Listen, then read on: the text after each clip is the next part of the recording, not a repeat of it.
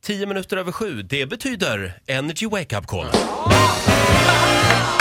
Bra för mig! Och det är Ola som har hand om busringningarna. Väldigt mycket fotbolls-EM nu. Jag tror biljetterna börjar komma, att folk får reda på att nu har de fått biljetter här. Mm. Mickes tjej eh, har mejlat mig här. Mikael har hetsigt temperament och har precis fått biljetter i fotbolls-EM. Ola, kör! ja, men absolut. Ja, då ringer vi. Mm. testar. Mikael?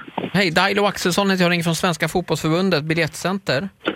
Ja, hallå ja. Har du fått eh, besked om att du ska få biljetter till eh, Sverige-Irland? Ja, det stämmer. Okej, och du, hur fick du besked om detta? Genom Uefa. Just det, precis. Jag har lite dåliga nyheter där tyvärr. Jaha. Eh, Det här är, rör sig om falska biljetter och de här mejlutskicken som har gått ut då är alltså eh, falskt. Så att de här biljetterna kan du eh, riva då, eller du måste slänga det här mejlet. Jaha. Jättetråkigt. Vi ber om ursäkt för detta. Det är- har varit väldigt, väldigt mycket strul här och det är fransmännen som, ja, som har strulat till det helt enkelt. Har du betalat någonting redan? Ja, det har jag gjort till Uefa. Aj, aj, aj. Okej. Hur mycket har du betalat? Eh, ja, vad är det? 3200 någonting. Ja, vi är så hemskt ledsna för detta, Mikael. Eh, pengarna är ju som sagt tyvärr borta och det är inte så mycket vi kan göra med det. Ja, vad, vadå? Det, jag har ju köpt dem genom Uefa ju. Du tror att du har gjort det och det, det här är ett väldigt avancerat bedrägeri. Ja, men det, kan- så kan man ju inte. Vadå? Vi har gå- gått in i portalen och allting.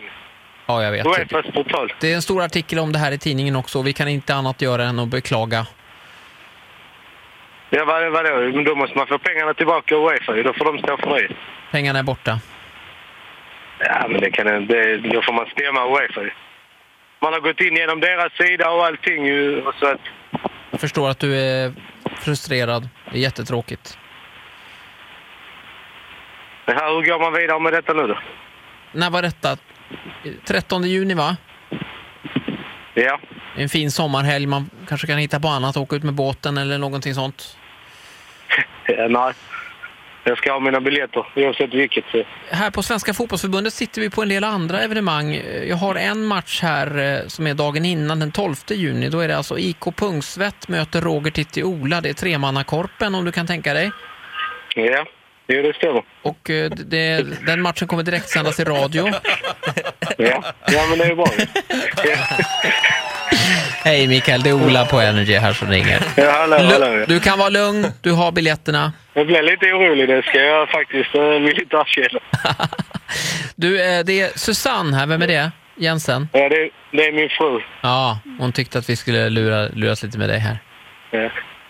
Det kan jag tänka mig. Ja, Susanne får det tufft idag. Bra Ja. jobbat Ola, en liten Uppförsbacke. applåd tycker jag.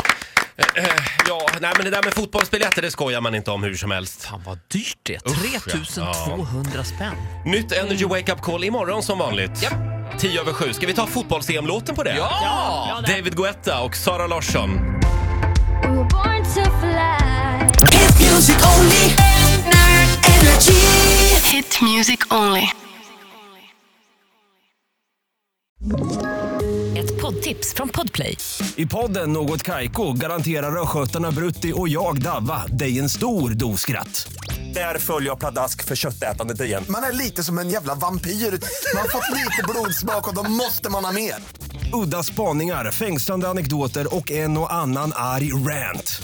Jag måste ha mitt kaffe på morgonen för annars är jag ingen trevlig människa. Då är du ingen trevlig människa, punkt. Något Kaiko, hör du på Podplay. Därför arkadeinerna.